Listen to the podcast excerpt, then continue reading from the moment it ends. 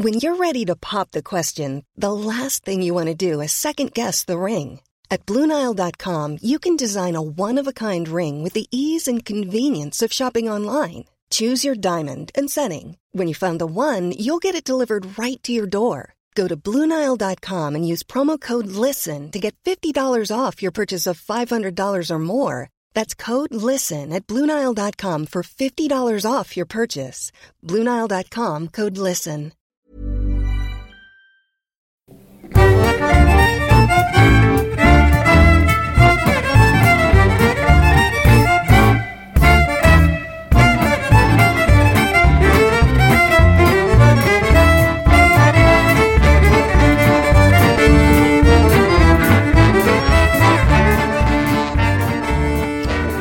Där rullar vi. Uh, hej alla ungdomar och eh, uh, grevar och baroner och välkomna ska ni vara till Diagnostikerna. Idag har vi med oss uh, mig, Andreas Barås. Vi har med oss Olof. Hej! Hej! Hur mår vi mina kära små? Jag, jag får bara säga direkt av att jag tror att baronerna och baronessorna är nog dina fans och ungdomar är nog mina fans tror jag. Ja. Eftersom du ändå bor så fint nu Andreas så är det väl sådana du hänger med nu på 24-7 Ja. eller? Ja, just det. det. Vi ska komma in på det eh, senare, vad jag tycker om den där eh, inställningen. Eh, bara så ni vet lite info, vi sitter, idag så testar vi någonting nytt. Vi spelar in över Squadcast. Eh, både jag och Olof sitter hemma hos mig. Olof sitter inne i min dotters rum och jag sitter ute i vardagsrummet här och vi har med oss våran gäst, Andreas Scheffel. Välkommen! Tack så mycket. Kul Du att har vara varit med förr. Ja, Ja, precis. precis. Du har varit med förr. Eh, ganska precis för ett år sedan tror jag, där vi pratade om Palmemordet, vi pratade om David Lynch och vi pratade om ditt, eh, li- lite löst om serietidningar och liknande. Men idag ska vi prata om någonting som jag vet att du brinner väldigt, väldigt mycket för. Ehm, och det är då eh, musik och framförallt de, musikscenen i Göteborg. Ehm, och den är ju väldigt intressant för mig som kommer utifrån, eh, som har flyttat eh, från, till västkusten. Ehm, att, för jag, jag, varför jag tog upp det här nu var för att jag har aldrig förstått den här extrema fascinationen. Och, vad det är som gör Göteborgs, Göteborgs musikscen så jäkla speciellt. Eh, Kan vi bara börja med att prata lite grann om din, ditt eh, musikintresse och, och din musikbakgrund? Eh, det kan vi göra. Jag har ju alltid varit väldigt musikintresserad eh, sen jag var jätte, jätteliten. Eh, mina stora idoler när jag var barn var ju eh, Elvis Presley och ABBA.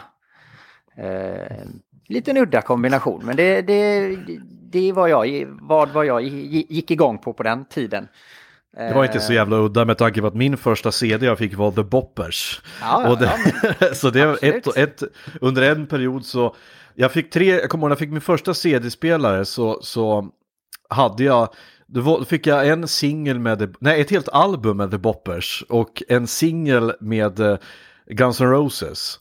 Och en, eh, en Green Day-skiva, deras Smash. Nej, Offspring. Det var Offspring Ja, jag det. fick. Offsprings eh, Smash-skiva. Så det var typ de enda jag lyssnade på. Innan dess var det typ kassettband och Mora Träsk och sånt där. Det var liksom vad jag hade. Olof, hur, vad, vad, vad lyssnade du på när du var liten? Alltså jag... Min, jag brukar säga att min musikvandring eh, började när jag var i Tyskland när jag var 14. Eh, för innan jag, lyssnade, innan lyssnade jag på lite, väldigt, väldigt random grejer och så lyssnade jag på ganska mycket metal och sånt där ett tag. Men det var först när min, min käre far, som vi har pratat om innan på den här podcasten, eh, gjorde ett genidrag att han tänkte att jag byter ut Olofs MP3 mot min MP3. Så han får med sig bra musik. Och när jag gick runt full i Tyskland och började lyssna på Thin Lizzy, eller Crosby, Still, Nash Young, eh, eller Madonna, eller Green Day var också med och Norris Barkley. Då eh, blev jag på riktigt musikintresserad helt plötsligt. Vilken fantastisk blandning måste jag Ja, säga. det, De, han, du- det var alltså- allt möjligt var det. Från, Men det var kul att din farsa lyssnade på Green Day. ja, men Det det, var ju- det, det var just Boulevard of Broken Dreams och eh, Holiday, tror jag Ja, heter den det. va? Hits. Ja. Som, Ja, men det är ändå, det är, han hade men bara det är ändå ganska upp. nya, nya Green Day ändå. Ja men han lyssnade inte på det när han var ung. Eh, Nej, men han hade fanns bara de upp- Nej, menar det. Så länge har inte Green Day hållit på. Nej. just det. Jag, såg, jag såg något klipp med, med, med Green Day eh, bara igår. Eh, jag satt innan i och för sig, men det kom upp på Facebook det här gången när, när han, vad heter sångaren, han lackar ut när de är på någon sorts liveshow och han ska få en minut speltid. Va? Ja, En minut? de, de, de får en minut speltid och han, sångaren bara så här: What the fuck is this man? We've been going on since like 90, nå- någonting sånt där. Och han blir vansinnig och börjar så här bli, eh, skri- skrika på alla de här som anordnade detta och till slut säger han And now I don't even have a fucking minute left because I talked away all it. I'll show what one minute fucking looks like. Och sen bara smashar han sin Men han är väl eh, inte, men eh, Olof, han är väl inte britt? Ja men jag vet inte fan, det lät bättre. Ja, de pratar inte som Peaky Blinders liksom. jag, kan de är... inte, jag kan inte prata amerikanska. Det, det är Olof som är britt. Ja, så är det. Nej men jag Men- tror, vet inte vad det var ja. för någonting, men det var, det var en Ja, minut. men alltså det var inte ett helt orimligt, alltså, alltså jag hade också blivit förbannad, en minut, det, det är väl bara Napalm Death som gör så korta låtar. Om ens det. Totalt det. jävla mörker också gör en minut. Ja, Napalm Death, jag, jag, jag hörde en låt som de gjorde som var tre sekunder lång. Det, Tror det är jag. lagom. M- musik Ja. för dig som har bråttom. Ja, det. ja men fortsätt Andreas, du, du, du fick in den där uh, ganska basic musiksmak kan man säga. Abba och Elvis.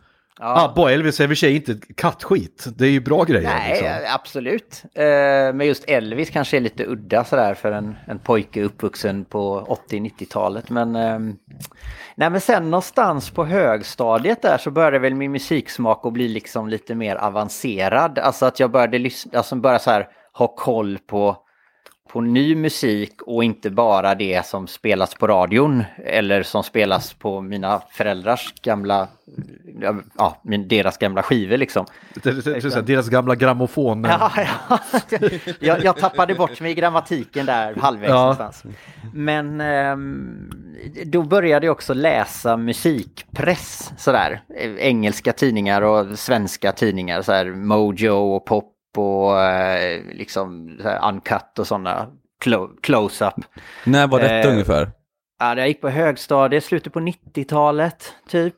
Eh, Vad var du för typ av människa? Alltså vad var du, tillhörde du någon subkultur när du gick på högstadiet? Var du syntare, hårdrockare, punkare, jag var rätt ro- indiepoppare? Jag var rätt rolig med det där för att jag, jag var ju, eh, jag var ju, eh, jag hade ju, jag, har ju, jag hade ju samma klädstil på högstadiet som jag har nu. Det är jeans och t-shirt nästan rakt över.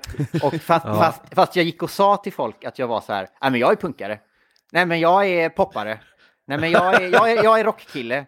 Fast jag Beroende på vart du hela tiden. Beroende på var du var eller? Nej, beroende på vad jag kände att jag identifierade mig med just den månaden liksom. Sådär. Okej. Så att jag var ju, jag var ju liksom, sen ett tag var jag stenhård på att jag, jag är punkare liksom. Men det var ju fortfarande jeans och t-shirt, jag hade ju aldrig några nitar, jag färgade ju aldrig hår. Jag såg ju likadan ut som jag gör nu liksom. Men, Det, där eh, tycker jag, det där tycker jag är intressant för det blir alltid så känns det som att, och, alltså, för kan inte jag prata för jättemycket men det känns som att på 60, 70, 80 och liknande så var det inte lika, eh, alltså det kom de stora vågorna med musik och nästan till hela ungdomskulturen följde den här vågen av musik. Sen blev det ju mer och mer såklart.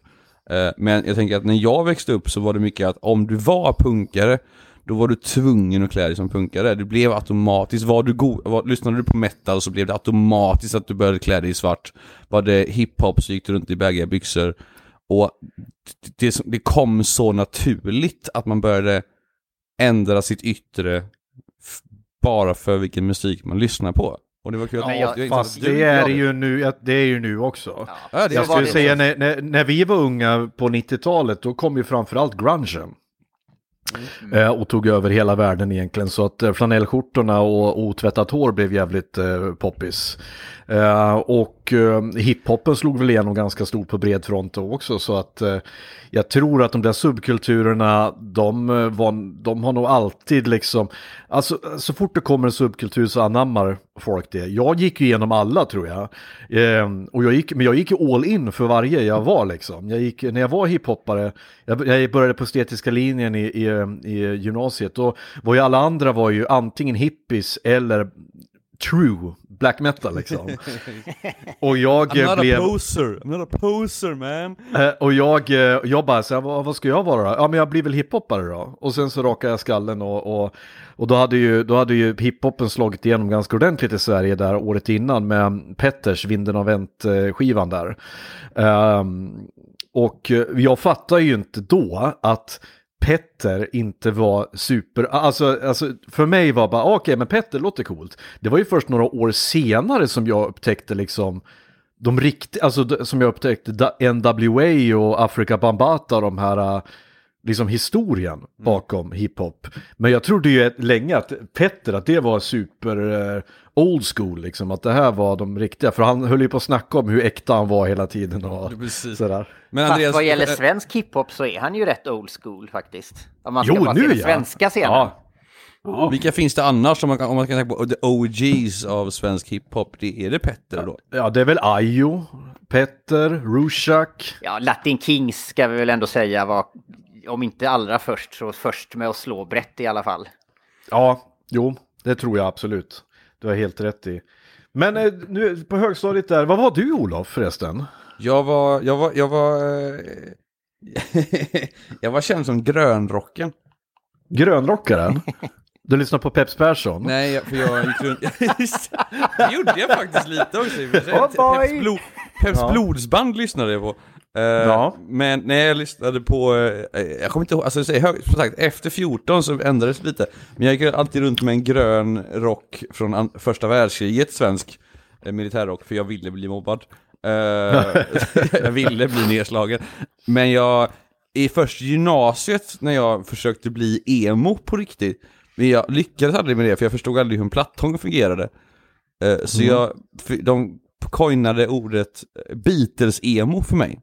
Beatles-emo? För jag såg ut som en, jag hade Beatles-frissa fast jag var emo.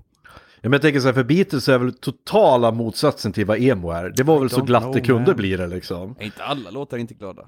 Nej, men i början i alla fall, för då var ju allting bara I wanna hold your hand. Jag, tror att Liksom. det var, jag tror att det var mer än än på hur jag såg ut. Eh, Jaha, jag, okej. jag, jag, har, jag har varit väldigt, jag är väldigt skiftande. Jag, jag kan börja lyssna på, nu är det att jag kan gå runt och lyssna på hårdrock eller isländsk folkmusik eller eh, 1100-tals nunnmusik från Hildegard från Bingen. Eller gå och lyssna på typ Kesha. Ja, jag kommer ihåg när du skickade någon jävla låt till mig. Så det, vad var det här skulle lyssna på? Så var det en jävla gregoriansk manskör. Som det stod. och jag tänkte jaha, sånt här går du att lyssna på. Det är fantastiskt är det. Och sitter inte inspärrad. Och har inte mördat någon än. Det För jag tänker inte. så här, när man lyssnar på så här typ...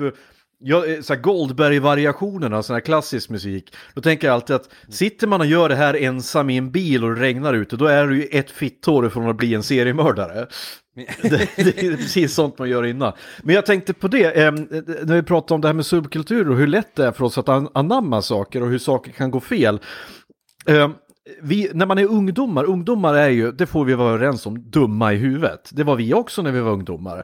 För att vi liksom inte, jag, jag har ju tidigare snackat om hur, jag kommer ihåg när filmen Fight Club kom ut och alla, alla missförstod den filmen. Alla tyckte att den var skitcool och så skulle de, liksom, på mitt gymnasium skulle alla klä sig som Tyler Durden, alltså som Brad Pitts karaktär i den. Och alla tyckte det var skitcool att skapa egna fight clubs. Då har man inte förstått vad filmen handlar om. Filmen handlar ju om liksom hur sju, alltså just det här sjuka i sektmentalitet och hur lätt det är att bli för, att eh, bara för att någon kommer och, och säger att eh, vi är emot samhället betyder inte det att de är the good guys liksom. Att, eh, att hur lätt det är att förledas av idéer. Och så kom jag ihåg att vi hade, det kom ut en film, film som heter Romper Stomper, om ni minns den. Ja, ja. Tror jag tid, tidigt 90-tal. Russell Crowes genombrottsfilm kan man säga. Som handlar om ett gäng nazister i eh, Nya Zeeland eller Australien tror jag. Australien tror jag. Ja, och de, eh, de hamnar i bråk med, med typ den asiatiska befolkningen i samma och så ja, de fightas hela tiden och så är de på lite skinheads-fester. Och den var ju till för att liksom avskräcka, den var ju till för att liksom visa hur fel det där, det där livet är att leva. Men det ledde ju till totala motsatt effekt. Det vill säga att alla nazister fick plötsligt någonting att spela upp på sina, på sina fester. Den här låten Skinhead, skinhead, pick it for a fight! Och så här skinhead uh, um, uh, moshpits liksom och folk eh, jag hade en, en kille på min, mitt gymnasium som tatuerade in på en sån här armtatuering som eh, Russell Crowes karaktär har i den filmen. Vi har ju även exemplen av Stockholmsnatt. En film som var det Staffan Hildebrand som gjorde den filmen Ja, här i var Sverige. Eh, där han skulle, med Paolo Roberto i, i, i huvudrollen, där de skulle visa hur fel det är med, med ungdomsvåld. Och det ledde, till att folk gick omkring och roundkickade lyktstolpar istället. Clockwork Eh, Orange är ett bra exempel på det också. Ja, det är det. Folk som tog Ja. efter våldet i filmen och verkligen inte förstod någonting av, bu- av budskapet i den. Men, men kan, man, kan man kräva att folk ska göra det, tänker jag? För att jag tänker om man gör en film eh, som just, eh, speciellt när det är våldsamt i film. Eh, Ja, man gör det med ett uttalat syfte ja, tycker men, jag. Nej, men se att, så här till exempel, ta, ta Sons of Anarchy till exempel. Ja.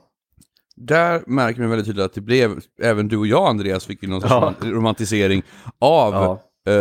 Sons of Anarchy när vi gick runt i liksom, skinn, eh, jeansvästar och liknande. Ja. Men hela poängen var ju att det här är inte bra. Nej. Det, det är inget bra. Men kan man förvänta sig att folk ska förstå, speciellt sådana filmer som Clockwork Orange och Fight Club som är väldigt djupa punkter? Eller kan man bara säga att men det här är en cool film? Kan, man, Ja, kan man lämna eh, det där? Nej, men jag, jag, jag har väl alltid förhåll, förhoppningar att folk ska vara lite intelligenta. Det var ju som Sopranos, var ju samma sak där. Jättebra serie, men den visar ju också med all önskvärd tydlighet att det där livet är inte bra. Samma sak med filmen Scarface, visar också att det går åt helvete. Men vad blir effekten? Jo, att alla tycker att det är det coolaste som finns. Det är som att, men, det är just, det här... Ja, just Scarface kan jag faktiskt tycka eh, går över gränsen till att glo, och glo, och glorifiera livsstilen och hans, hans livsval och hans, alltså, det- den, är- den är nästan fetischistisk i skildringen av att han är så jävla häftig cool liksom. Varför, går den, varför tycker du att den just Men, den går ju åt, men det går ju åt helvete för honom. Ja, Fullständigt. på Alla vägen- val han på, gör. På, på vägen dit så är han ju världens cool, cool, coolaste person. Det är, ju, det är ju nästan, alltså filmen är ju regisserad som nästan en dyrkande, nästan fetischistisk, eh, alltså sådär. Eh, Ja, Ja, men jag, Ja, jag, ja, håller jag- med- jag jag håller med Scheffel där, för att jag, jag tänker också att jag menar, det finns ju bara faktumet att det finns, alltså, de målar upp honom och han vill bli, bli någon, han vill vara någon och liknande. Och sen efterföljden av filmen är ju inte, det är inte bra att vara en knarklangare, utan det är, jag vill ha en affisch med den coola Tony Montaya, för att han är, han är Jo, cool. men, jo och så, men låt mig då få vara djävulens advokat här. Jag, jag hävdar ju att, film, att alla gangsters drömmer om det livet. Alla drömmer ju om, om, om att det ska gå enkelt och bra. Men filmen handlar ju om hur han systematiskt förstör alla relationer han har. Med sin syster, med sina, med sina vänner. Till slut litar han inte på någon. Och till slut så dör han. Och alltid, everything comes crashing down. Spoiler! Jag, Ja, men ja, jag, jag hävdar ju att det är det som är budskapet i filmen sen. Och jag tror att det är ett stil, att, att det är stilmässigt eh, medvetet. Att som du säger Andreas, eh, visa det nästan, glorifiera, för att sedan rycka undan mattan. Det är det som är poängen, visa att så här balt är det, men det går åt helvete. För att hade det bara varit liksom grime and shit hela vägen, då kanske hade liksom inte blivit lika starkt budskap. Men jag vet inte, men sen, så där funkar ju folk. Vad kallar man det där? Eh, confirmation bias. Vi väljer att inte titta på det som inte bekräftar det vi gärna vill se. Jag har alltid haft en teori om Scar, Scarface utifrån mina egna åsikter om den. Att, att eh, jag har inget problem med hur manuset är skrivet eller liksom budskapet i filmen. Jag tycker det är glasklart. Jag tror det är svårt för någon att missförstå. Problemet för mig är hur den är regisserad. Eh, att den är regisserad liksom som en... Eh, Eh, en slags Musikvideo. Musik. Ja, nästan. Och Jag, jag tror att hade, hade Oliver, det är väl Oliver Stone som skrivit manus, visst är det så? Tror det, och det är Brian Ja. De Palma som har regisserat Ja, i alla precis. fall. Och jag tror att det har varit en mycket bättre film om Oliver Stone själv hade regisserat den. För han, Kan du dumma ner det där för... med Kan du andra. dumma ner det där lite Eh, Scheffel, tror du? Ja, hade, men, så hade det varit Oliver Stone som hade regisserat, då hade det blivit mycket sådana här slow motions, som i Platoon. Det här ah! Och, det hade blivit, och så hade allting slutat med att det är staten som är bad guy. Men tänk, Jag- men jag- jag kan du tänker dumma ner, på- tänk dig så här. Nu blir det så här, oj nu blir det jättejobbigt. Eller tänker du på Wall Street? Andreas, håll käften nu. Förlåt. Tack. jag tänker så här bara, för du säger att manuset är bra. I, Eller eller bra, ja, glasklart. det är begripligt liksom. Det är ett Ja, men logiskt va- manus. för, för folk som inte är liksom eh, filmintresserade på den nivån, vad, vad, vad blir den stora skillnaden att regissören, vad, gör regissören i den filmen som gör det att det blir fel, enligt dig? Eller fel Ja, fel. så? Alltså, så här, mitt, mitt problem med filmen är inte liksom så här att ja, den glorifierar gangsterlivet och vi får gangsters som efter som har sett den här filmen går ut och vill leva som man. Det som tror jag är bullshit. Liksom. Det är som Okej, debatten om, om, om, om liksom, eh, så här, gang, gangsterrappen eller tv-spel eller whatever. Jag har inga moraliska problem med filmen. Problemet är att jag rent estetiskt inte tyck, tycker om den för att den känns den, den, den känns som det den kritiserar. Den, den, den känns liksom som en, en, en estetisk hyllning till den destruktiva maskuliniteten. Liksom. Eh, och jag tror att hade Oliver Stone själv regisserat den, om man ser på hans andra filmer som han har gjort, så hade, den, hade, hade det pro problematiserats och gjorts på ett annat sätt. Brian De Palma känns som att han, han är liksom inte, han, han är bara intresserad av att det ska vara coolt och snyggt någonstans. Men jag kan vara han, helt fel gjorde ju, ute han gjorde ju faktiskt eh, The Usual Suspects som är, kan man säga, totala motsatsen till det. Så att, eh, Absolut. Men just i Eh, den filmen. ja. Men eh, nu har vi ramlat in på ett jättemycket sidospår här, men det är det här som är så kul att vi kan... Göteborgs eh, musiken, Andrea, chefen. Ja, Göteborgs musikscen. Den kan väl du utan och innan. Eh, ska jag, bara, jag ska bara dra lite, för, eh, lite fördomar om, eh, och det jag vet om Göteborgs musikscen. Håkan Hellström om vi, men så här, om vi börjar med, med eh, hur den stora liksom, skillnaden eh, mellan till exempel Stockholm och Göteborg. Eh, framförallt inom den politiskt eh, lagda musiken. Där var det ju att eh, i Stockholm hade vi, och Stockholm och södra Sverige så hade vi eh, proggen och punken. Och eh, där skulle det vara ah, lite, lite, lite gladare, lite, lite, lite lite, lite gladare, lite mer melodiskt. Medan i Göteborg var alla arga hela tiden. Det var, det var, det vi hade Frank Både, vi hade Knutna nävar och vi hade alla de där. Eh, och det handlade om liksom, det var arbetare, det var varvet, det var, det var, det var Majorna och tjosan hejsan. Och det blev liksom en innesluten bubbla. Men det är också en bubbla som inte finns någon annanstans. I Sverige hävdar jag. Eh, Intressant. vad, ja, hur tolkar du det, min fördom där? Eh, jag tänker Eller- att, att, att Göteborgs musikliv är som Göteborg är i stort, det vill säga att man har ett gigantiskt mindervärdeskomplex. Eh, det har funnits intressant och bra musik i Göteborg i alla tider, som i, i, även i Malmö och Stockholm och liksom sådär. Tages, ett av de största banden på 60-talet, är ju härifrån. Många av dan dansbanden är härifrån. Det har alltså alltid funnits, så länge det funnits Flamingokvintetten är från Exakt. Göteborg va? Ja, Ja. Partille tror jag till och med. Ja. ja. Så att, så att eh, det har alltid funnits intressant musik och bra musik härifrån. Men om man ska liksom nu skära in det i olika scener sådär. Om man tar Ja. det liksom från 70-talet och framåt när, när svensk rock kanske började bli riktigt intressant. Liksom sådär eh, ur ett konstnärligt pers pers perspektiv.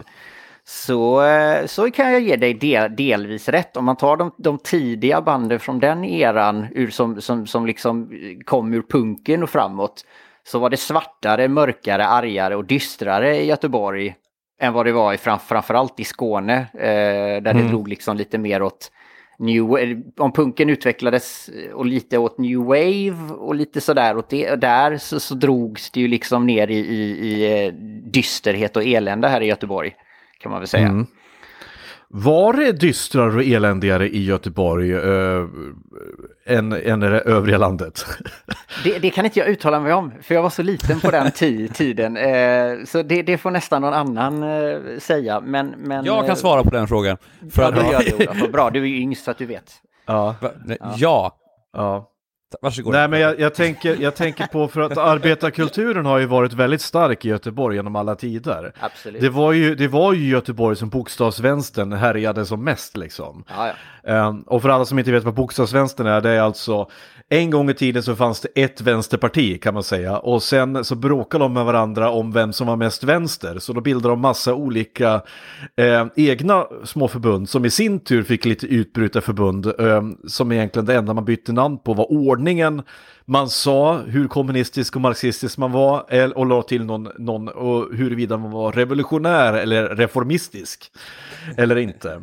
Eh, exempelvis hade man marxist-leninisterna, kommunisterna R eller marxist-leninisterna, kommunisterna eller kommunist-leninisterna, marxisterna eller the Judeus People Front och, och liknande. Och jag, eh, det kan vi sitta och garva åt idag, men för dem på, den, eh, på 60-70-talet så var det väl blodigt allvar vad jag förstått. Absolut.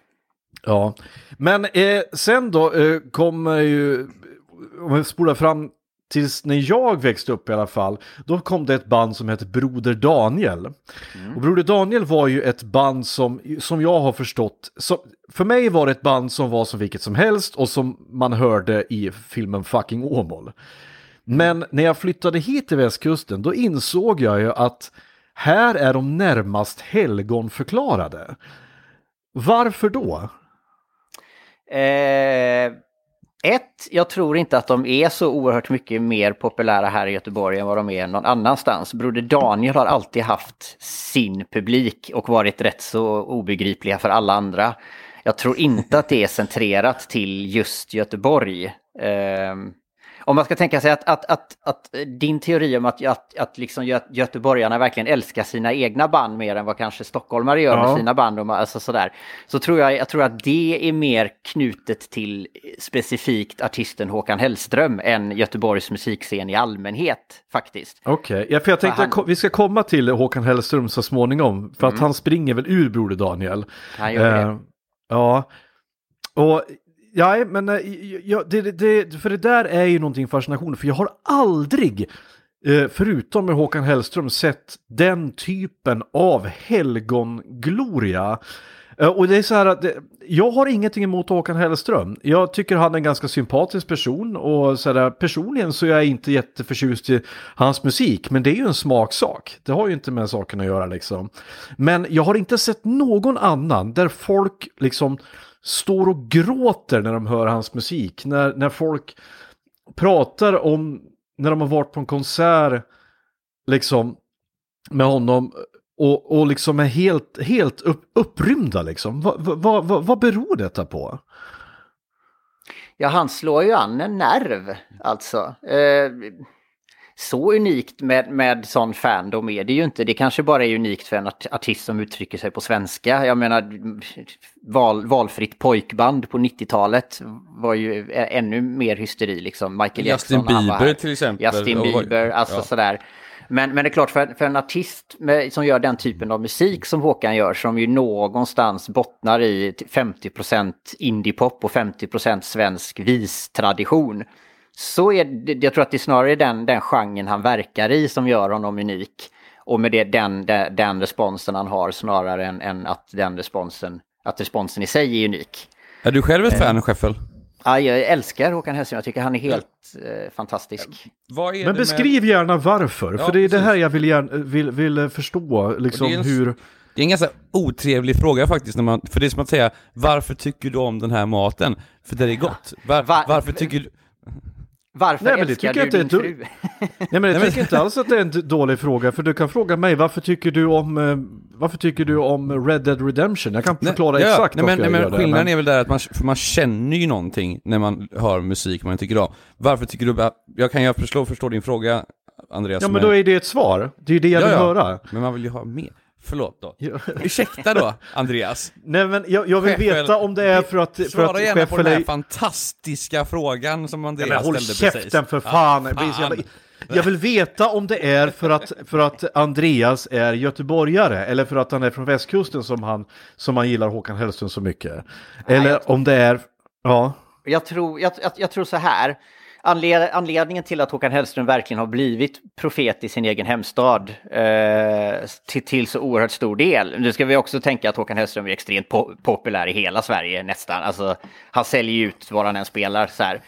Eh, men, men att han är, det, är- det är också att att, att som Håkan Hell, om man tar de första, säg två plattorna liksom innan han började göra vuxenmusik så, eh, så, eh, så låter han ganska mycket som Göteborg låter för väldigt många, naturligtvis inte för alla, men, men för väldigt många människor. Han låter Göteborg. Han, han låter... Det där får du utveckla. Ja, men alltså så här, om man, om man, har, har man någonsin ramlat runt på Andra Långgatan så är ju Ramlar en låt som man kan identifiera sig med. Ja, fast Eh, ja, om, man är återigen. uppvux- om man är uppvuxen liksom med att göra det. Och jag tror att det är lika applicerbart på någon gata på Söder i Stockholm. Det är väl samma princip liksom. Men, men eh, han, han, han, han, han satte ner fingret på en livsstil och en, men han var 27 år när första plattan kom. Och han hade liksom nästan lämnat den här grejen ba, bakom sig. Så han hade ett perspektiv på det här strax över 20-livet i Göteborg. Men samtidigt så hade han inte helt lämnat det, så var ändå lite där fortfarande. Alltså den, den kom liksom bam, rätt, rätt i tiden och rätt in i identiteten hos väldigt, väldigt många människor tror jag. Och sen har ju det flutit på. Jag menar, släpper man en sån platta som betyder så oerhört mycket för så vansinnigt många människor så, så då, då, då ska man nog vara jävligt kackig för att tappa sin publik tror jag. Och, och han har ju hållit Ja. en extremt hög kvalitet genom åren. Om man gillar hans, den typen av musik han gör så har han ju, alltså det är egentligen först den plattan han släppte förra året som jag tycker är hans första typ svaga platta. Vilket var det, vilken var det? Eh, ja, den höll jag... kommer Var den han sjöng Evert. Evert Taube-låtar eller? Nej. Nej, eh, nej, nej, det var egenskrivet eh, material. Det, den kom, ja, det står helt still nu, jag glömmer faktiskt inte ihåg vad den heter ens. Men jag, jag, den, öppnar väl, den öppnar väldigt starkt med två väldigt starka låtar och sen så eh, är det lite ja efter det. Ja, för, för, det, du sa någonting väldigt intressant här och det är det lite grann jag vill knyta in det här avsnittet på. Du sa det att den är väldigt mycket Göteborg. Men vad är Göteborg? Vad är Göteborg som gör Göteborg unikt jämfört med något annat ställe i, i Sverige? Oj. För, för att det, vad, vad jag vill komma med det är för att du säger alla som har ramlat runt. Ja, jag har också ramlat runt. Jag har ramlat runt i Uppsala, i Hudiksvall, i Edsbyn, i Bollnäs, i, i Lund, i, i Malmö. Jag har ramlat runt överallt. Och jag har aldrig känt någonting med Håkan Hellströms låtar. Men Eh, grund, och jag tror inte- grundförutsättning, grundförutsättningen är ju att du ska gilla den typen av musik som Håkan Hellström gör. Det kommer ju inte per automatik. Trallmusiken. Alltså du, du måste ju gilla hatt och blåspop om du ska kunna identifiera dig. Alltså, Jag gillar det ska. Jag gillar Ja, ja, men ska-musik. det är ju inte helt långt ifrån liksom. Men, men eh, om man säger att om man gillar den typen av musik som Håkan, han gör, jag- alltså så här, att säga att Håkan Hellström gör en typ av musik är också fel. För att han började ju på ett sätt och han låter ju inte alls likadan idag som han gjorde då. Han har ju utvecklats fram och tillbaka och testat ditten och testat datt. Han gjorde till och med en skiva med en symfoniorkester här om året ju. Ja. Gjorde Metallica också, ska du Ja, bara så du exakt. vet. Hå- Hå- Håkans skiva är faktiskt bättre än Metallicas, det kan jag ärligt Oj! säga. Ja, det är det. jag, tyckte, jag tyckte deras låt med, med symfo- San Francisco Symfonikerna var en av de bästa de någonsin har gjort. Men, Jaha, men Barås, okej. jag tänker, Ja. finns det någonting, finns det någon, eh, någon artist eller låt, om vi kan simma säga så, som fångar ihop Hudiksvall på den nivån som chefen förklarar Håkan Hellström gör i Göteborg? Ja, det finns en låt som varenda hälsing och framförallt Hudiksvallsbor kan. Och det är Öski Föjrats Pessimistkonsulten. Om ni kan texten på den. Den går så här. Det är lika bra att sluta drömma. Det går åt helvete i alla fall. För om man drömmer om Paris hamnar man på något vis likt förbannat i Hudiksvall. Bara, bara, Sen går den. ba, ba. Ja, och jag tror att jag kommer, jag kommer ifrån en, en, en kultur där vi har extremt, alltså där jantelagen är extremt stark liksom. Och eh, livsglädje har ju aldrig existerat uppe, i, uppe där jag kommer ifrån. Så att det, när du säger så, jag tror att, jag tror att min, min, min liksom, o, mitt oförstånd inför Göteborgs påstådda goa gubbar-glädje det kommer ifrån att jag helt enkelt inte gillar göteborgare. Nej, men förstå mig rätt nu, jag ska försöka förklara det här. För att när jag växte upp um, så hade, fick vi en bild av att Göteborg, alla sa så här, ja vi har, stockholmare hatar vi, men Göteborg, det, de, det, det, dit, det är fint, de gillar vi. Och då tänkte jag så här, Göteborg, alla göteborgare är glada och att det är jättetrevligt och så här. Sen flyttade jag till västkusten och jag hade en liksom så här, nu ska jag flytta hit och, eh, och jag hade glad i galoscherna liksom tänkte jag att oj, nu kommer alla vara jättetrevliga. En av de första människorna jag stötte på var eh, då ett fyllo på, eh, vid en spårvagn vid, vad heter det, Drottningtorget. Eh, utanför centralstationen i Göteborg. Där jag stod och pratade telefon. Och så kommer han fram till mig och så säger han Hör du! Dö! Dö! Dö! Det är så han säger. är, är du stockholmare eller? Nej. Men du pratar ju stockholmska! Nej det gör jag inte, jag, pratar, jag är från Hälsingland. Ja, var fan ligger det då? Ja, det ligger östkusten. Ja men då är du ju stockholmare! och där, och där, där, där grundlades mitt hat mot Göte, Göteborg tror jag. Jag tror att det här, hela det här avsnittet är ett illa dolt, eh, illa dolt För, för jag menar, eh, liksom. Du hade aldrig någonsin när du var i Hudiksvall eh, och om du träffade på någon som bodde i utkanten av Stockholm och liknande som hade lite den accenten, hade du sagt Var är du ifrån? Nej jag är därifrån. Ja då är du Men i Stockholm. det är väl en jävla skillnad på att bo i en förort till Stockholm än att bo 30 mil ifrån Stockholm. Är du efterbliven? det är, alltså... är, det, å, är det över Stockholm så är det Norrland. Pumpa. Ja, där jag kommer ifrån. Men för den här eh, göteborgarjäveln då, som skulle vara så jävla goa och trevliga, så var han en dryg jävel. Och där insåg jag också att göteborgare kan vara dryga, om inte mer dryga än, än, än andra människor i Sverige. Bara så låter lite Och- som en bitch gör du.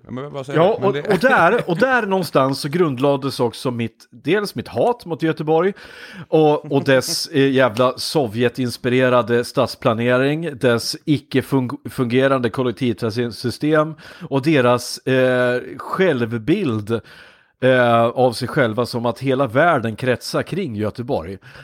Eh, och då kom, och då föddes min, min, min, liksom min fundering där.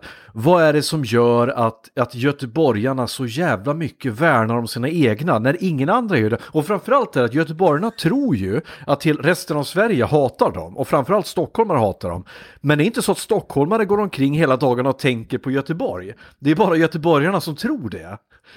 Och då tänker jag så här, det är bara i en stad som Göteborg som Håkan Hellström kan bli stor. Det var min teori. Men den har du slagit hål på nu, Andreas. Ja, men han är ju jätte, han är ju en av Sveriges bäst säljande artister genom alla tider. Så det är väl ändå, det är ju inte bara göteborgare som köper Håkan Hellström, eller lyssnar på Håkan Hellström musik. Han säljer ju slut precis vart han är. Han säljer ju slut i Stockholm också liksom. Ja, det gör Eh, det. Men, Men vart- vad har vi mer för Men alltså så här, så här då, om vi säger så här. Det du pratar om, alltså med din inställning till Göteborg och det här. Det, Ja. det bottnar ju i att, att göteborgarnas, deras gigantiska mindervärdeskomplex gentemot stockholmarna. Det, det, du, har ju, du, har ju, du, du, nej, du nailar ju det precis när du säger att göteborgarna går och tror att stockholmarna hela tiden tänker på Göteborg när stockholmarna fullkomligt skiter i Göteborg därför att de vet Ja. att, de, Stockholm, att Göteborg är en mindre stad och att det, det, det, det mesta fungerar sämre i Göteborg än det gör i Stockholm. Millions of people have lost weight with personalized plans from Noom, like Evan, who can't stand salads and still lost 50 pounds. Salads, generally, for most people, are the easy button, right? For me, that wasn't an option. I never really was a salad guy. That's just not who I am. But Noom worked for me. Get your personalized plan today at Noom.com. Real Noom user compensated to provide their story. In four weeks, the typical Noom user can expect to lose one to two pounds per week. Individual results may vary. When you're ready to pop the question, the last thing you want to do is second guess the ring. At Bluenile.com, you can design a one of a kind ring with the ease and convenience of shopping online. Choose your diamond and setting. When you find the one, you'll get it delivered right to your door. Go to Bluenile.com and use promo code LISTEN to get $50 off your purchase of $500 or more. That's code LISTEN at Bluenile.com for $50 off your purchase. Bluenile.com code LISTEN. Stockholm liksom. Möjligtvis med undantag för vården, typ. Men eh, Ja. i stort sett allt annat och ka- kanske kollektivtrafiken. Men, men eh, det... det och det, alltså, om man då, då, då ska hålla oss till det här med, med populärmusik så, så är Ja. det ju sådär att, att den kommer ju ur... Väldigt mycket av den bra eh, musiken från Göteborg kommer ju ur en jävla revanschlusta liksom mot allt och alla. Alltså att ha, om, om, om, en, om en befolkning föds upp med ett liksom mindervärdeskomplex så får man ju ett, ett ett, ett, en revanschlusta som kan liksom rikta sig åt, åt olika håll. Det är ju inte så att varenda, Ja. Gö- varenda Göteborgs musiker tänker på att jävla ska vi bräcka Stockholm när de spelar in en skiva. Utan det kan ju, nu jävla ska vi bräcka eh, chefen på skivbolaget som inte trodde på oss. Eller nu jävla ska vi visa tanten i huset bredvid som bad oss dra ner volymen när vi repar. Eller det kan ju vara precis vad som helst. Men, Ja. men jag, jag tror att revanschlustan och mindervärdeskomplexet finns hos Göteborgsmusikerna precis som hos, alla, hos en stor del av göteborgarna. Ja, Sen tror Men jag, förlåt, jag- Mm. bara en sak till. Sen tror jag att det där håller på att ändras också i och med att vi får en allt större Okej. invandrad befolkning. Alltså generellt. Ja. Som har helt andra, liksom, som skiter i Stockholm, Göteborg eller liksom, alltså sådär. Men om man ser hur det var förr. Ja. För den där grejen, det där är ju lite intressant när man pratar om det där med, med en stad, att en stad har en själ och så vidare. När man kommer utifrån, eh, som jag gör, då, då ser man ju inte det. Jag har ju ingen aning om vad Göteborg har för själ eller vad Stockholm har för själ. Jag blir bara glad om bussen går, går tätare än en gång varannan timme liksom. Så eh, det, det, det, det är liksom det perspektivet jag kommer med. Men om vi ska hålla oss till ämnet då. Vad har vi för stora musikexporter ifrån Göteborg? Vi har Ace of Base. Ja. Vi har In Flames. Vi har... ehm, ja, det var de två jag kom på. Miriam, Miriam Bryant är göteborgare, eller? Gör hon det? Ja, hon är göteborgare. Men hon kanske inte Men är hon en export? Utomlands. Ex- Nej, men hon, är, klart hon, är har- hon blivit väldigt stor nu, nu, tänker jag. ja. Många metalband i Göteborg. Kanske fler än till och med eh, östkusten va? The Gothenburg Sound är ju i metalkretsar känt över hela världen. Eh, Ja, vad är det för alltså, någonting? Det är alltså en, en, en melodiös version av dödsmetall. Eh, Åh, underbart. Som typ Om- Ghost om- eller? Nej, typ In Flames är väl det bästa exemplet. Ja, ja, okej. Mm. Eh, In Flames och alltså, sådär. Jag är absolut inget metalhead så nu kommer jag säkert att glömma bort eh, alla obskyra band som spelade i sin pappas källare och var först med det allra första. Men om vi tar band som någorlunda känns igen idag så, så skulle jag väl säga att At, At the Gates var Ja. ett av de allra första liksom, representanterna för The Gothenburg Sound. Och medlemmarna i At the Gates har ju sen också spelat i andra stora metalband, även internationella metalband eh, och sen nu hittat tillbaka till At the Gate som ju har, finns fortfarande liksom sådär. Eh, men, men The Gothenburg Sound eh, är ett ja, men melodiös eh, en, en, en, en dö, det har grunden i dödsmetallen men, men mer lättlyssnad och mer eh, melodiös och lite sådär svenskt vemodig ton i det. Eh, mm. Ja. En svensk vemodig ton sa du. Mm. Jo, men om du tänker så här. Eh, ABBA till exempel. ABBA är ju ett, ett bra exempel på hur man blandar hur man kör popmusik och så har man en, en, en, en någonstans i grunden en, en, en, en, en slags start eller en slags ton av folkmusik. Och svensk Ja. folkmusik kan ju låta oerhört vemodig. Eh, Ja.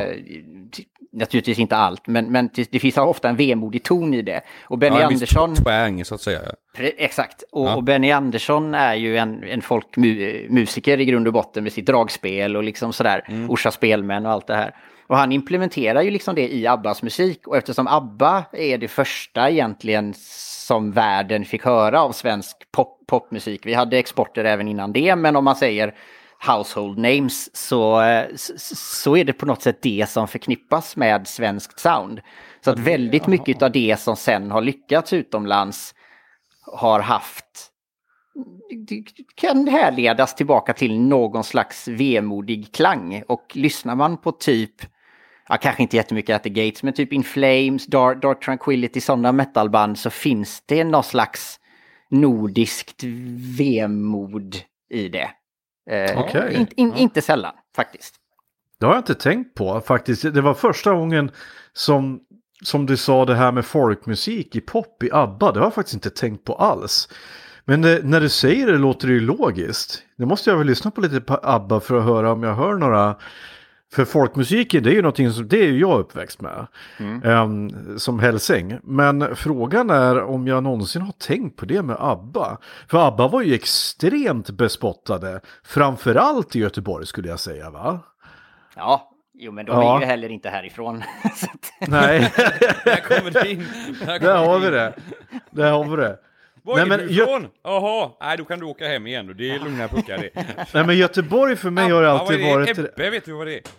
Ja, men det typ hamnen och så här, du vet den här kla- jag älskar min, min absolut, om jag ska gill- älska någonting med Göteborg så är det ju den här uh, dokumentärfilmen om hamnarbetarna där de räknar upp uh, olika öknamn.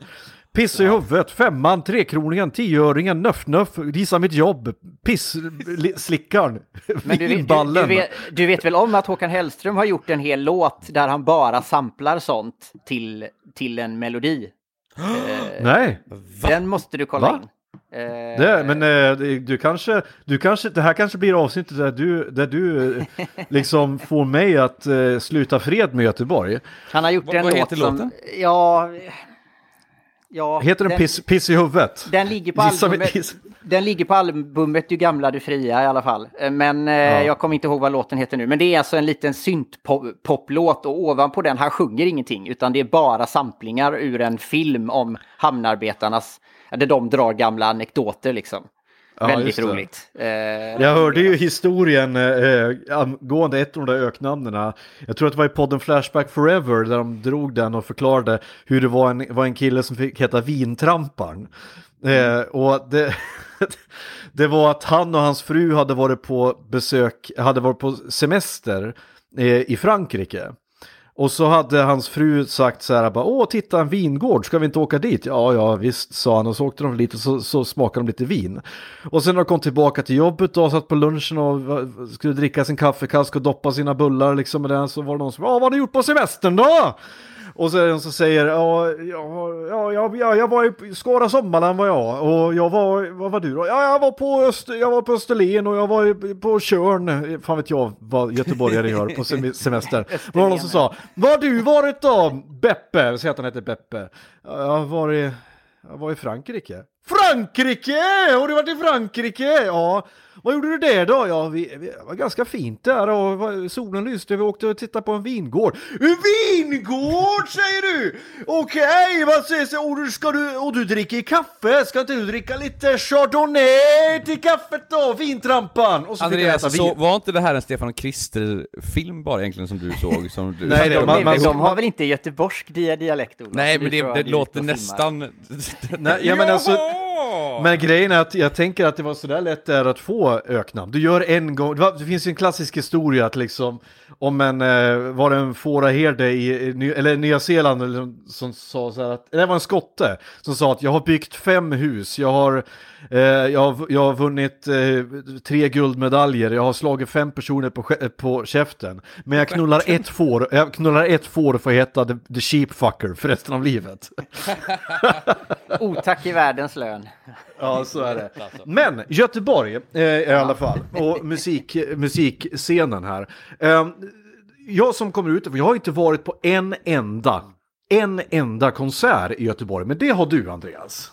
Ja, Det vet jag i alla fall. Ett, ett och annat, ja. Eller en och annan, Ja. ja. Vi har väl eh, den klassiska Lisebergsscenen.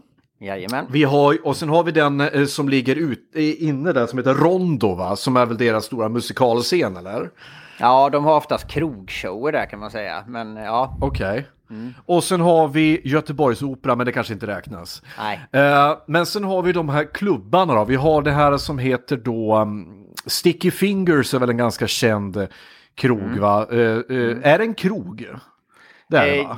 Ja, det är det väl. En, Nattklubb ro- en, rock, en rockklubb. Nu är den ju eh, i hot om nedläggning faktiskt. Jag tror att den är stängd för närvarande och eventuellt ska konka tyvärr. Men eh, Okej. det är ju en klassisk rockklubb liksom.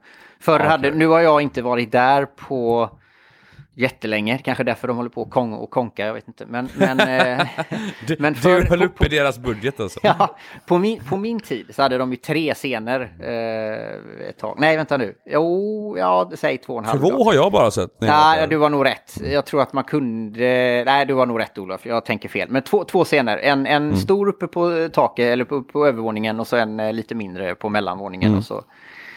I källaren var det faktiskt ingen scen, du var helt rätt. Eh, Mm.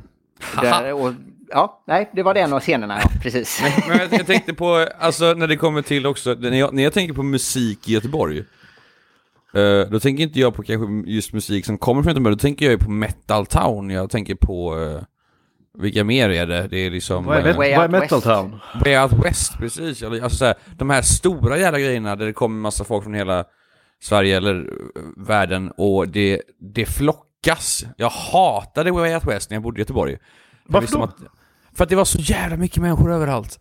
Ja. Och jag visste att det skulle bli så mycket problem och folk sprang runt med glitter i håret och ansiktet. Det är bara så här, ja, ja, nu, nu fick jag glitter på mig. Vad fan. Så jag, jag hade någon sorts... Men Metal Town hade jag... Där fick jag faktiskt min... Jag fick sjunga för en varm cider där när jag var typ var 14. Uh, Jaha. så där har jag bra minnen från. Ja. Men vad är Metal Town? Är det en sån inhägnad konsert eller? Eller, eller festival? ja, inhägnad festival är det väl, skulle jag vilja klassa som. Eller vad säger du Det chefen? var ute på, i Frihamnen va, på sin tid? Eh, Ja, ba Bananpiren typ. ja precis, ja, det var det. Ja. Och så Under, kunde man under bara- bron eller vad man ska säga. Ja, man kunde ju bara stå utanför och lyssna liksom, kunde man göra. Men jag vet att jag Mm. gick fram till några coola killar där och så sa hej, har ni öl? Och bara, nej men vi har, eh, vi har cider om du vill ha. Och så, ah, Fast vänta ett få- tag nu Olof, du sa att det var varm cider. Ja. Var det inte Kiss du fick? I en flaska? Andreas käften. Han har Eh. blivit lurad. Det är för att det är nämligen, nämligen när jag Det var var 14 gott i så fick när jag var flo- 14 så skulle jag tigga brännvin av, av några äldre ungdomar och, det, och jag var så full så eh, jag fick en flaska med någonting i och det visade sig att de bara hade stoppat ner flaskan i, i vattnet på stranden och gett mig. Och så bara, det är brännvin, drick! Eh, och jag gick på vad som helst och så vågade jag inte, vågade jag inte säga ifrån för att eh, ja, de var större och, än mig och äldre. Men det här var ju vuxna människor det här. Så det, Ja, här var det som var inte de så här, det, det, var som sagt kanske de var 35-40 var de. Och satt där Okej. med så här, och då, jag sjöng en Blind Guardians låt för dem och då fick jag en varm cider. Det var avancerat. Du Ja. sjunger Blind Guardian-låt. Ja, då. Alltså din, Ja. din musiksmak upphör aldrig att fascinera mig Olof. Du gillar så oerhört mycket olika typer av band och musik. Vad menar du? roligt. Nej, det är på, jag menar det positivt. Så här, du, du namedroppar Crosby, Stills, Na, Na, Nash Young och så här Blind Guar, Guardian och, och eh, ja, det är roligt. Det är kul med människor Glöm inte som Hildegard gillar- från Bingen bara. Eh, Hildegard från Nej. Bing, absolut. Det är kul med människor som, gill, som på riktigt gillar olika typer. Alla säger ja, jag lyssnar på allt, men det är ju väldigt få som faktiskt gör det. Men du verkar som att du faktiskt gör det. Dansband är det enda jag inte kan klara av. Men det lyssnar jag på kan jag säga. Jag- jag- Det- jag det kan, det kan jag, det. Nej, det gör jag inte alls det egentligen. Grejen är att jag gillar country. Och det närmaste du kan komma till dansband i Sverige, är, eller country i Sverige är ju dansband. Eftersom inte Alf Robertsson längre är med oss. Och inte heller Kaka Israelsson. Ehm, men det var väl de då egentligen. Men jag är också så här, jag kan också lyssna på, på, på allt ifrån, en dag kan jag lyssna på på eh, Blind, just Blind Garden har jag aldrig förstått riktigt. Eh, Ashes to ashes, dust to dust. Men däremot eh, Det gillar jag var värt en Halloween. varm cider. Det var faktiskt det. Däremot så gillar jag Halloween. Eh, min favoritlåt med dem var ju The Keeper of the Seven Keys som var en 13 minuter lång låt. Med, eh, med den, den roligaste, tror jag, tonartsändringen jag någonsin har hört i en låt. Eh, som, den går ungefär så här. Efter Kom ihåg, den är 13 minuter lång så att någonstans i låten efter det femte solot eller någonting tror jag så sjunger han Throw the first key into the sea of hate and the fifth into the sea of anger! Och bara så här, okej vad fan kommer det ifrån? Fantastiskt. Men eh, Halloween är väl... Så, för jag hörde dig tre gånger, både Ja. i rummet bredvid, och sen i mina lurar, och sen via datorn. Det var jätte, det var, oh my god, jag pissade lite på mig. Nu tror jag att det Ja. faktiskt varit va, Kiss och inte varm cider, för nu känner jag mig Men Halloween var väl, ett, det kan man väl säga ändå någon slags eh, power metallens liksom stora husgudar eller vad ska man Ja. säga? Det får man nog. Ja. Det där, det där power metal är en genre som, som om, om, om Olof inte gillar, inte klarar av dansband så klarar jag inte av power metal. Så jag, den diskussionen får jag hålla mig utanför tyvärr, tror jag. Så eh, Hammer, Hammerfall har du aldrig gillat alltså? Nej, jag är ledsen. Alltså, jag, jag, jag, jag kan lyssna på Hammerfall och känna, ja ja, men de gör sin grej bra. Men det är inte alls min grej. Ah, inte alls min grej. Nej, Jag, jag, Nej. jag måste fråga, jag måste, för jag har bara för mig detta, men det kan vara någonting som jag bara fått för mig också. Var det inte så att, jag hoppar in på Blind Guardian igen nu, för jag har inte tänkt på dem på så länge. Skulle inte de skriva typ en låt till The Ho- Sagan om ringen eller liknande? Har inte alla power metal-band gjort det vid något tillfälle i karriären? men, ja, men de, skulle, de, de hade blivit tillsagda att, de, att de, ni, ska göra liksom en... Jag måste nästan googla detta. Att ni ska göra... Stair- Liksom, ni ska, Ja. Istället för Enya, när hon gjorde sin grej. Liksom. Ja. Enya. Enya, Blind Guardian. Ja, precis. Vilken ska vi ta? Fast det, det är inte så, steget är inte så långt egentligen. Faktiskt. Är, det inte? Nej men det är, ju, det är ju någon slags eh, e- alltså, fantasy, alltså ja visst, det finns skillnader naturligtvis. Apropå power metal, vi, har ju, vi kan ju inte låta bli att nämna världens största och mest världsfrånvända, Manowar. Um, då, det, det är ett band som lever i sin egen parallella lilla verklighet. Och det här är så kul, um, för er som inte har hört Manowar, det är, ett, det är alltså ett power metal-band från USA med judiska rötter um, som har gjort en grej av att alla deras texter handlar om uh, Dels hur de är det enda bandet i världen som gör äkta metal och eh, att varje låt, de har blivit en, en meme liksom. Varje låt innehåller orden Crimson Sky, Dragon, Hammer, Steel, Warrior, någonting sånt där. Och att alla deras, och så är de kommer alltid in så här eh, vad heter det, på scenen med, med eh, eh, motorcykel och så drar, det var någon som berättade, när, jag såg en livekonsert med någon gång, då, var, då tog de upp en tjej och hennes pojkvän på scenen och så hetsade de tjejen och visade pattarna medan killen fick stå och, lira, och testa att lira gitarr. Liksom. Det, det är den nivån där liksom. Men jag är med i en böggrupp på, på, på Facebook, en böggrupp på Facebook. En böngrupp. Böggrupp. Tack, jag vill bara Eh, på Facebook. Och, och där vi liksom driver med så här typiskt stereotypt eh, heterosexuellt beteende. Och då tänkte jag, då droppade jag så här, men det här måste väl ändå vara det ultimata stereotypa liksom heterobeteendet. Men då var det förvånansvärt många som faktiskt där gillade Manowar, oironiskt. Och då tänker jag så här, men kan man göra det oironiskt? Då, då måste man, eller för De att... har ju jättemånga fans. De, de har ju Jo, jag vet, jag fans. vet. Men, men har de fans som har liksom hjärnaktivitet? Det är det alltså. Ja, det är Alltså, absolut. Absolut. Ja. Det, det, Dä- Däremot, om vi ska prata Man Manowar så, så ve- vet jag att våran gemensamma vän och bekant Rickard Forsberg var ju i Ja. en, eh, en, en diskussion med ett Manowar-fan på, på nätet eh, när den här liksom eh, knulla barn-debatten var. Och, och Ja. Rickard då tog, tycker att man ska få uttrycka sig som man vill och så vidare. Han tog väl, han gick, tog Ja. väl lite mer åt det hållet, den åsikten. Medan då en, en kille som var ett, ett var uppenbarligen hardcore Manowar-fan var precis tvärtom. Och att det här eh, uppmanar till att man ska ha sex med barn och att, att så här, men vad Rickard då tyckte att man, man, man, man, bara för att man lyssnar på den lå, låten, eh, det är ju en, den driver ju med grejen liksom. Man börjar Ja. inte ligga med barn för det. Det är ju inte, det är inte pedofilmusik. Det är pedofilmusik och ja, det, diskussionen Ja. led, ledde ingen vart. Och ironin i det hela är att bara några månader senare så avslöjades det att en av medlemmarna i Manowar, han åkte fast för innehav av barnpornografi. Ja, Och fick sparken från bandet. Så att eh, det är väl egentligen, och den här killen har lirat i Manowar i, eh, ja, jag är inte så kunnig men länge liksom. Han är en, en, en, Ja. en, en tung medlem i bandet liksom. Så att, så att så då är det väl snarare Manowar som gör pedofilmusik, är det inte så? ja. Egentligen. Nej, men det, det, alltså jag tänker så den där diskussionen så jävla så jag orkar inte ens gå in på den. Men jag, jag är på Rickards sida där är liksom att vad fan. Alltså för helvete, sansa er. Skilj på konst och Jag, eh, jag, liksom. jag tänker gå vidare från barnpornografi eh, till, till någonting annat. Men jag läm- tänkte vi på det här just... Ja, precis, det är det är alltid bra att göra i, i bagaget. Eh, jag tänkte på, jag fick den funderingen häromdagen för att en av mina ungdomar frågade mig, Olof kan du skicka en lista till mig med band? För hon har just- Pedofiler tyckte jag säga. Kan du skicka en lista med pedofiler? Bara så jag vet. Eh, Fy fan. Eh, Åh, gud. Nej, men hon skickade då, eh, hon sa så här, jag vill ha, jag har just upptäckt Linkin Park, sa hon. Va? Ja, hon har just Okej. upptäckt Linkin Park. Och hon sa, Det jag var inte så att hon just hade upptäckt LinkedIn? Att du missade det hela? Nej. Hon bara, menar du att hon, menar du att hon ville ha musik när hon var på LinkedIn då? Ja, hon, ville ha, hon ville ha musik och lyssna på när Ja, hon satt och gjorde Mm. sina, sin, sin profil på LinkedIn. Nej, hon, hon, vill ha musik som handl- hon vill ha musik som handlade om att skapa jobbnätverk och CVn. att- Så kan det, så kan det också vara. Ja. Ja. Nej men, Nej. Alltså, men det, är, det är så weird när man hör det att jag har just upptäckt Linkin Park. Men då, då, kom, då kom ett band upp i mitt huvud som jag inte tänkt på jättelänge heller, men som jag älskar och som jag upptäckt att är man fans av det här, det finns väldigt det fin- känns som att det bara finns 100% fans eller 0% fans när jag har sett så här grejer.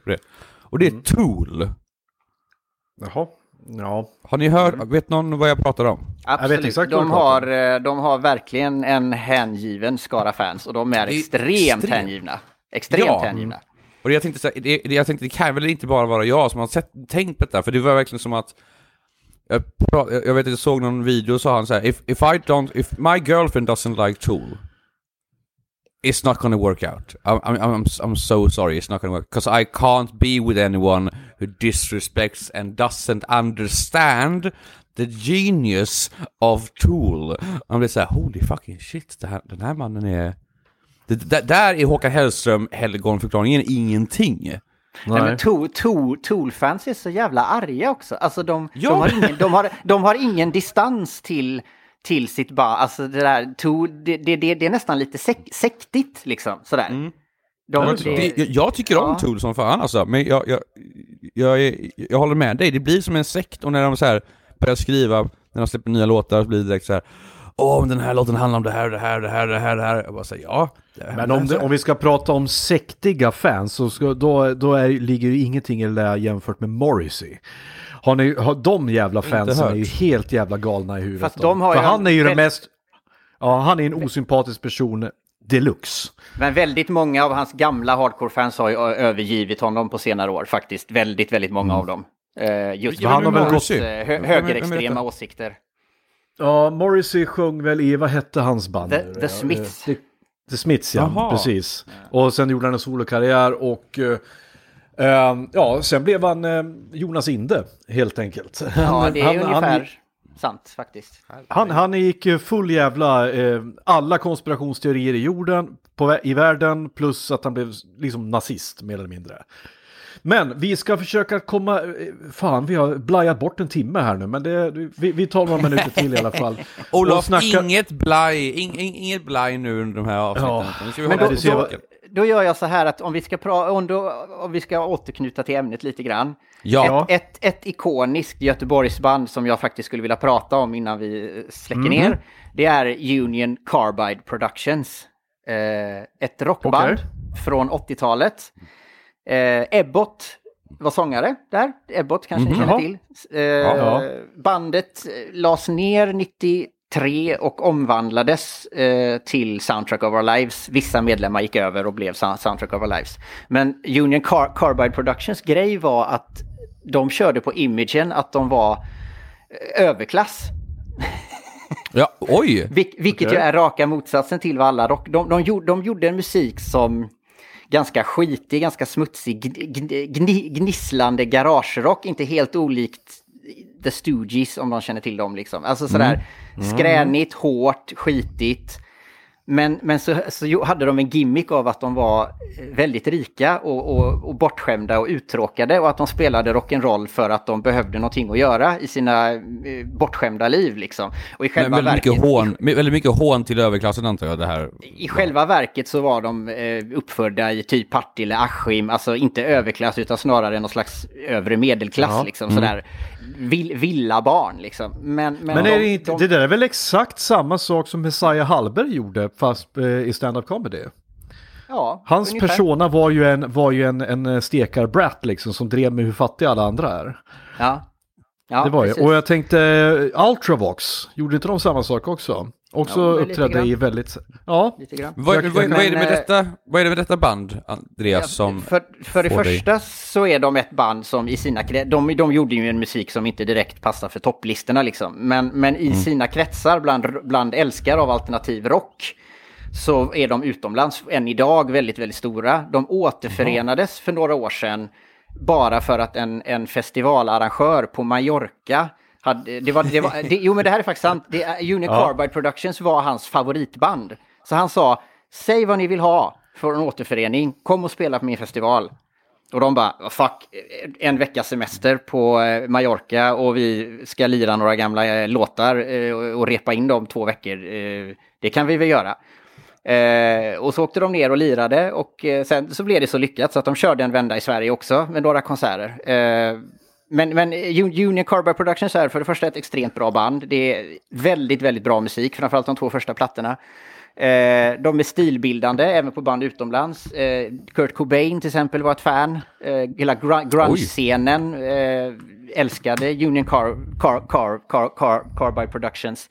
De var vilda på scenen, så vilda att de ofta blev portade från festivaler. Hultsfredsfestivalen till exempel portade de ett tag, fick inte komma och spela där för att de eh, helt vansinniga liksom. Eh, Eh, Stopp, Olof, sluta andas i micken. Det, det, det, brusar Men jag blir ju kåt när jag hör Ja. ja. chefen prata om det här bra bandet. Men, men. Andreas, eh, eh, du har varit på jättemånga konserter, i, framförallt i Göteborg. Du är ju känd på, i vänskapskretsen och, och eh, på sociala medier för att du skriver så roliga och, och sköna recensioner. Eh, så jag misstänker alltså att du skulle inte tacka nej om du fick eh, ett gig för att skriva musikrecensioner i Aftonbladet och Marcus Larsson trillar av pinn. Men eh, nej, det hade eh, jag nog inte gjort. topp tre bästa konsertminnen du någonsin har haft i Göteborg? I Göteborg? Och just det, så svårt. Jo, eh, eh, nu är jag ju, det, det är sån här fråga man vill vara förberedd på och det är jag inte alls, den kom spontant. Eh, men jag Ja. skulle vilja minnas... Ett Säg spontant då bara. Ja, jag skulle vilja, vilja minnas en spelning med Olle Ljungström på Bommens salonger 2002. Eh, ja. En akustisk spelning. Bommens salonger är numera en strippklubb. Eh, på Bä- på Bä- Bellmansgatan då var det ett konsertställe. Eh, Ja, med vet du vilken du menar? Pyttepytteliten scen. Vilket innebar att man satt i princip i knät på de som spelade. Eh, och ja, det var helt otroligt. Olle Ljungström var ju en artist som, där dagsformen var allting. Han var, hade ju liksom drog och tablettmissbruksproblem och eh, vissa dagar kunde han inte uppträda överhuvudtaget. Vissa dagar uppträdde han och det blev skit. Men den kvällen så var allt, allt var rätt liksom. Det var, jag satt längst fram i mitten, hade honom, jag kunde i princip känna hans andedräkt liksom. Eh, det var helt fantastiskt. Och han var väl stockholmare va dessutom? Han var men han flyttade ut, han bodde ju de sista åren i, utanför Alingsås innan han gick bort. Ja. Eh, Går det en rät linje mellan Olle Ljungström, om man gillar Olle Ljungström så gillar man Stefan Sundström också? Nej, jag, jag, nej, jag skulle nog snarare se till Håkan Hellström då faktiskt. Det är inte helt... Aha, Eh, Olle Ljungström okej. var ju mycket mer ironisk. Hans, te, hans, text, han, han liksom, han, hans solokarriär började ju i höjd med Nile City ungefär. Eller li, lite Ja. innan, men i, i, i princip där. Så han blev ju någon slags pop, popartist för den generationen liksom. Eh, på 80-talet spelade han i ett band som heter Reeperbahn och de var, det var lite annan stil på dem. Men, men, eh, men hans solokarriär var ju rätt mycket lättbegriplig pop på svenska med jävligt underfundiga, ironiska och eh, så här, tolkningsbara te texter. Liksom. Man, man får tänka till ett varv till liksom sådär. Eh, Chefen, har du, du, du, har- du hade en där, topp tre. Ja, jag hade en där. Så, Eh, eh, har jag sett mer på, i Göteborg också? det känns nästan mer snällt att ge topp tre än att bara ge en. Men, då, måste men då, då, då måste jag ju säga då, som vi ändå pratar om band från Göteborg, att Broder Daniels avskedsspelning på Way Out West 2008 är ju ett sånt ögonblick som jag inte kommer att glömma bort heller. Eh, för att det var, så, så, det, det var ju så bisarrt liksom. Deras gitarrist Anders hade tagit livet av sig. Bandet hade inte existerat på några år. Och eh, de bestämmer sig för att vi gör ett sista gig liksom på Way Out West.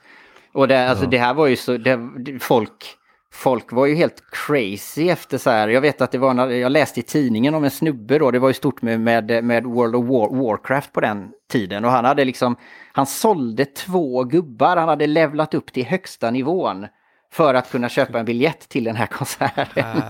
Fy fan. så att... Eh, så, så att Vad så här, fint ändå på något det är sätt. jättefint Alltså, den- och, det, det, och det var Ja. ju också en konsert där de hade ju nästan kunnat gå ut och låta hur fan som helst. Man, hade inte, man, man var där för att hylla Anders, man var där för att säga tack för allt, man var där för att vi gör det här tillsammans. Jag har nog aldrig varit med om en konsert där man känner så mycket att, att vi och bandet är ett, vi gör det här tillsammans. Det är våran stund, inte vi som står och tittar på ett band, utan vi gör det här ihop. Liksom. Det Så det var, det var väldigt vara. speciellt. Sen visst, rent musikaliskt har jag kanske varit på bättre konserter än den, men det var en väldigt speciell Ja, men jag tänkte säga det, för att det handlar väldigt mycket om vad du var i livet då och hur du mådde och vilka du var med.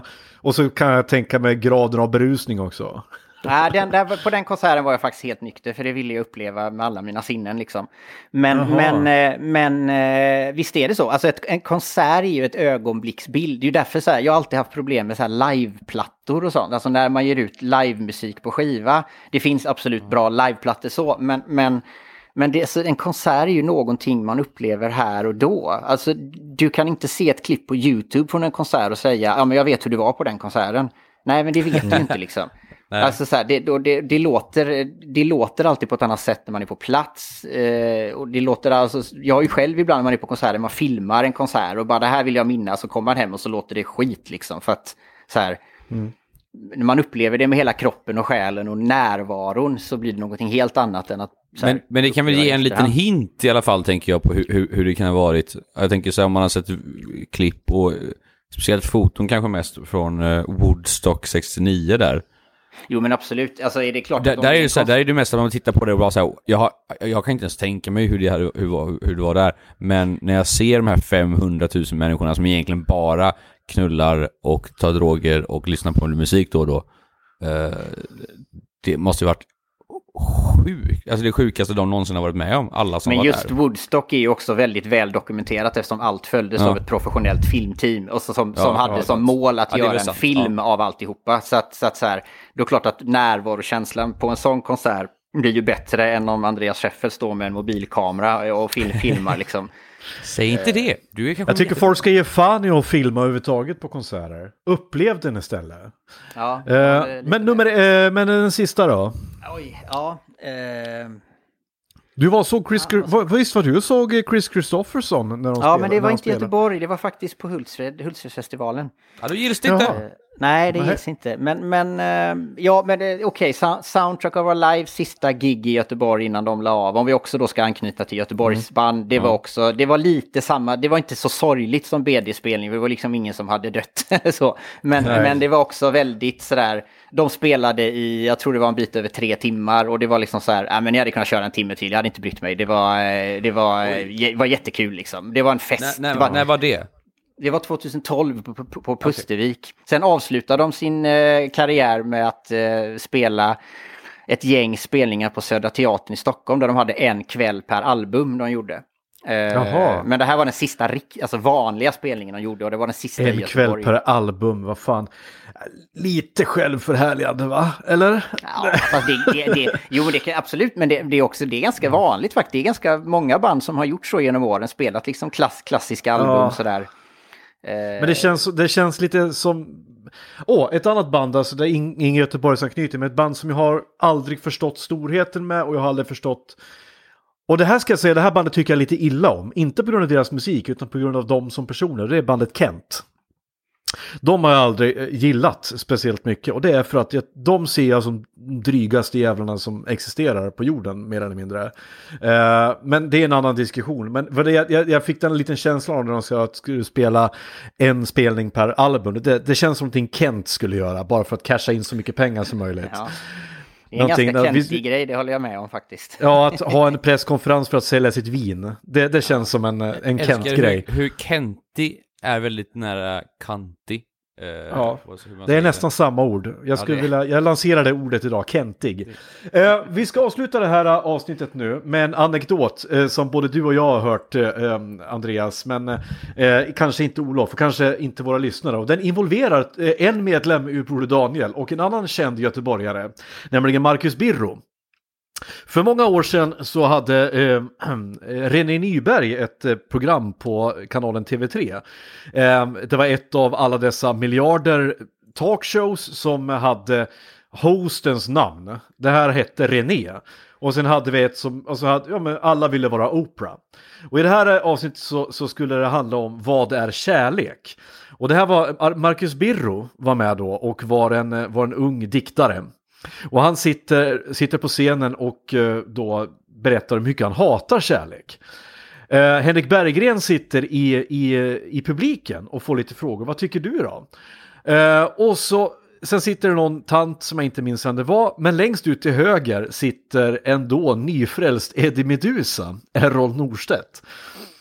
Och eh, de andra få, människorna får ju inte så mycket eh, syl i vädret då. Men för Marcus Birro säger saker som Nej, skjut de som älskar. Jag hatar er kärlek. Kärleken förstör konsten. Bla bla bla bla. Och Henrik Bergen säger väl mest, alltså jag vet inte. Alltså bla bla bla. Men då säger, eh, och Eddie Meduza säger mest liksom, eh, han är ju nyfrälst, han pratar ju bara om Jesus då. Men han, då får, eh, vet du Marcus Birro en väldigt rolig fråga, en fråga som så här, men liksom, vad är då meningen med livet? Om man inte ska älska? Eh, Frågan är alltså ställd till, till Marcus Birro. Och ur bild så hör vi då Eddie Meduza säga Fetta. Och det tycker jag eh, får sammanfatta vad jag tycker om Göteborgs musikscen. Fetta. Fan. Nej, jag säger inte så. Men jag vet inte, vad, vad, vad har vi missat idag Andreas att ta upp? Vad, vad, vill, vad vill du säga till folk som vill upptäcka Göteborgs musikscen? Vad ska de gå Men om, först? om, men om vi ska, då, då knyter jag ihop det på samma sätt som du knyter ihop det. Vill man börja kan man börja med det klassiska punkbandet Perverts stora hit Ronka. Börja där och så kan ni Ja. eh, fortsätta sen. Okej, vart ska man gå och se musik i Göteborg? Pustervik tycker jag är den absolut bästa scenen. Om man ska Ja, gå och se li- livemusik faktiskt. Det är en jättebra scen. Okej. Och vilket är det bästa Göteborgsbandet, eller bandet från Göteborg? Som genom alla tider. Eller, genom alla tider. Och herregud vad svårt. Ja, jag får nog säga Soundtrack of Our Lives, trots allt. De Ja. är breda. Du säger inte Ace of, du säger inte Ace of Base? Nej, nej. Ja, Nej, nej, okej. nej, Nej, Vi lämnar nej, det där. Ja, Nej. Okej, vi lämnar det där. Eh, detta har varit Diagnostikerna. Vi finns på Facebook, vi finns på Instagram. Tack så hemskt mycket för att ni har lyssnat och bli gärna Patrons och stötta oss så vi slipper gå back på varje avsnitt. Tack till dig Andreas för att du kom. Tack så Eh, jättemycket.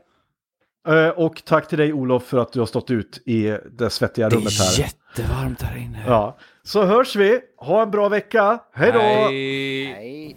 Nej.